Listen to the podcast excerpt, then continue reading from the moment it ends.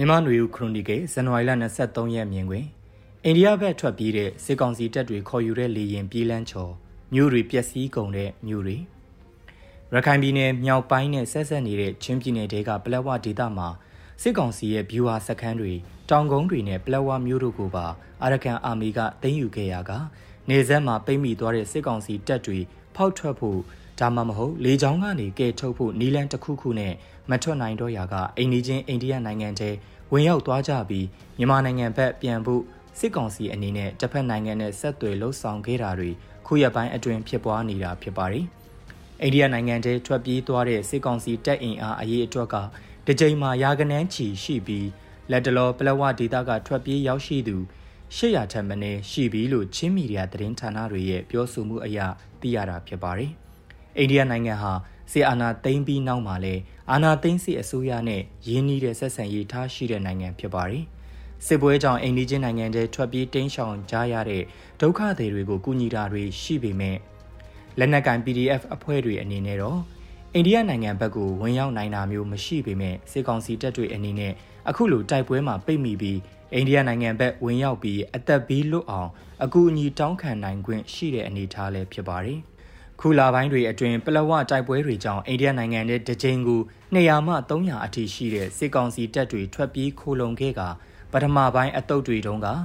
လက်နက်ပစ္စည်းတွေနဲ့မဟုတ်ပေမဲ့နောက်ပိုင်းအတုပ်တွေဝင်ရောက်ရာမှာလက်နက်ငယ်တွေ၎င်းတို့ရဲ့တကိုးစားတည်ဆောင်တဲ့ပစ္စည်းတွေနဲ့အတူဝင်ရောက်သွားကြတာဖြစ်ပါတယ်။အခုလိုဝင်ရောက်သွားတဲ့စစ်ကောင်စီတပ်ဖွဲ့တွေကိုစစ်ကောင်စီဘက်ကစစ်လေရင်တွေနဲ့တွားရောက်ခေါ်ဆောင်ရမှာ ဇန်နဝါရီလ23ရက်နေ့မှာတွားရောက်ခေါ်ဆောင်တဲ့စစ်ကောင်စီပိုင် Y8 လေရင်ကပြေးလန်းချော်ပြီးလေရင်ပြေးလန်းပြင်ပကိုရောက်ရှိရာက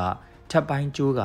လေရင်ပေါ်ပါလာသူရှစ်ဦးခန့်ဒဏ်ရာရရှိခဲ့တယ်လို့ဒီတာတွင်သတင်းတွေကိုကိုးကားပြီးတော့ဖော်ပြကြတာဖြစ်ပါတယ်။ဒါအပြင်အဆိုပါဒဏ်ရာရသူတွေကိုတဲဆောင်လာတဲ့ကားက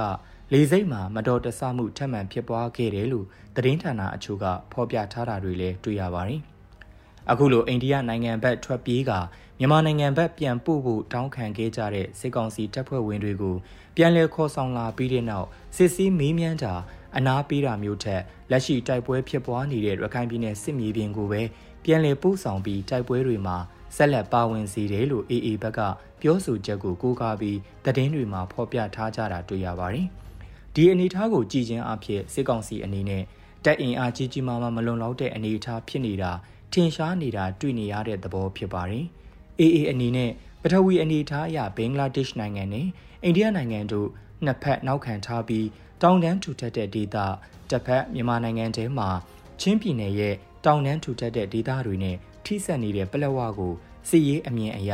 အခြေကုပ်စခန်းအဖြစ်ရည်ရွယ်ပြီးတော့ပထမဆုံးသိမ်းယူခဲ့တာဖြစ်ပါတယ်။ဒီနေ့သတင်းအကြောင်းအရာတွေတဲကဒုတိယအကြောင်းအရာအနေနဲ့မြို့သိမ်းတိုက်ပွဲတွေမှာ နှစ်ဖက်ပစ်ခတ်တိုက်ခိုက်မှုတွေကြောင့်နဲ့တမင်ရွယ်ဖျက်ဆီးမှုတွေအချိန်ကြာရှည်လာပြီးတမျိုးလုံးကိုသိမ်းယူဖို့အပြင်းထန်တိုက်ခိုက်ကြရတဲ့အနေအထားမှာမြို့ရဲ့ဈေးတွေနေအိမ်အဆောက်အုံ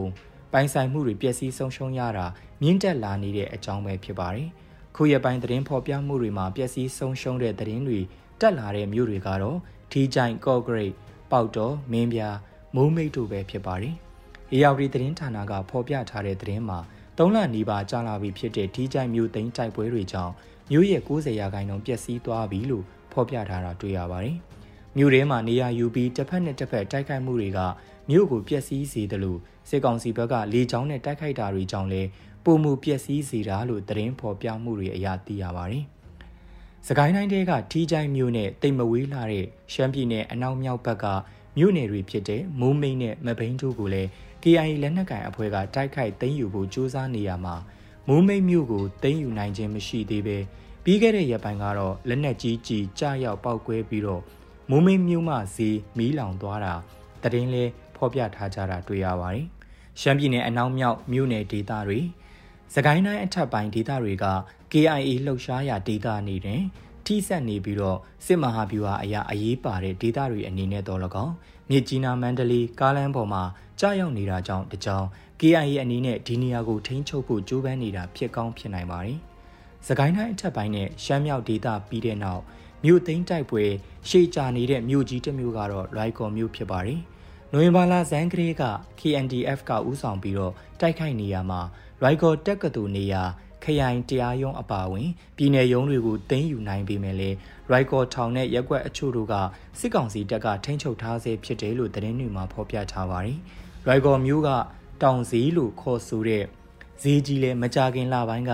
မီးလောင်ပျက်စီးခဲ့ပြီးတော့လူနေအိမ်အဆောက်အအုံအများပြားလဲပျက်စီးဆုံးရှုံးမှုတွေရှိတယ်လို့သတင်းတွေမှာဖော်ပြထားချက်အရာသိရပါတယ်။အဲဒီနောက်ပျက်စီးဆုံးရှုံးရတဲ့မြို့အချို့က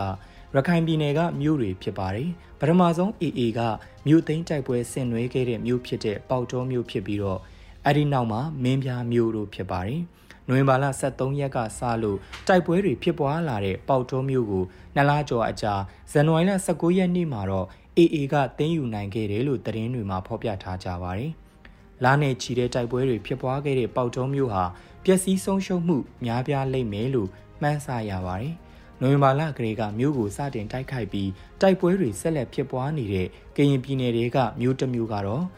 ကော့ဂရိတ်မြို့ဖြစ်ပြီးတော့ခုရက်ပိုင်းမှာထပ်မံမီးလောင်ပျက်စီးမှုတွေရှိနေတာကြောင့်ကော့ဂရိတ်မြို့မှာလူနေအိမ်အနည်းဆုံး60လောက်မီးလောင်ပျက်စီးခဲ့ရပြီးဖြစ်တယ်လို့သတင်းဖော်ပြမှုတွေအရသိရတာဖြစ်ပါတယ်။တော်လန်ရေးတပ်ဖွဲ့တွေအနေနဲ့မြို့တွေကိုသိမ်းယူတဲ့ရည်ရွယ်ချက်ဟာစစ်ကောင်စီအုပ်ချုပ်ရေးကိုဖယ်ရှားဖို့ရည်ရွယ်ချက်ထင်ရှားတဲ့အောင်မြင်မှုကိုပြသဖို့ရည်ရွယ်ချက်နဲ့ လှုံ့ဆော်ကြတာလို့နားလည်မှန်းဆကြည့်ရပြီးလူထုအနေနဲ့တော့မိမိတို့မြို့မှာမြို့သိမ်းတိုက်ပွဲတွေဖြစ်ပွားလာခဲ့ရင်နေအိမ်တွေဈေးတွေမီးလောင်ပျက်စီးဆုံးရှုံးမဲ့အရေးကိုတွေးကစိုးရိမ်ကြမှာအမှန်ပဲဖြစ်ပါတယ်ခင်ဗျာ။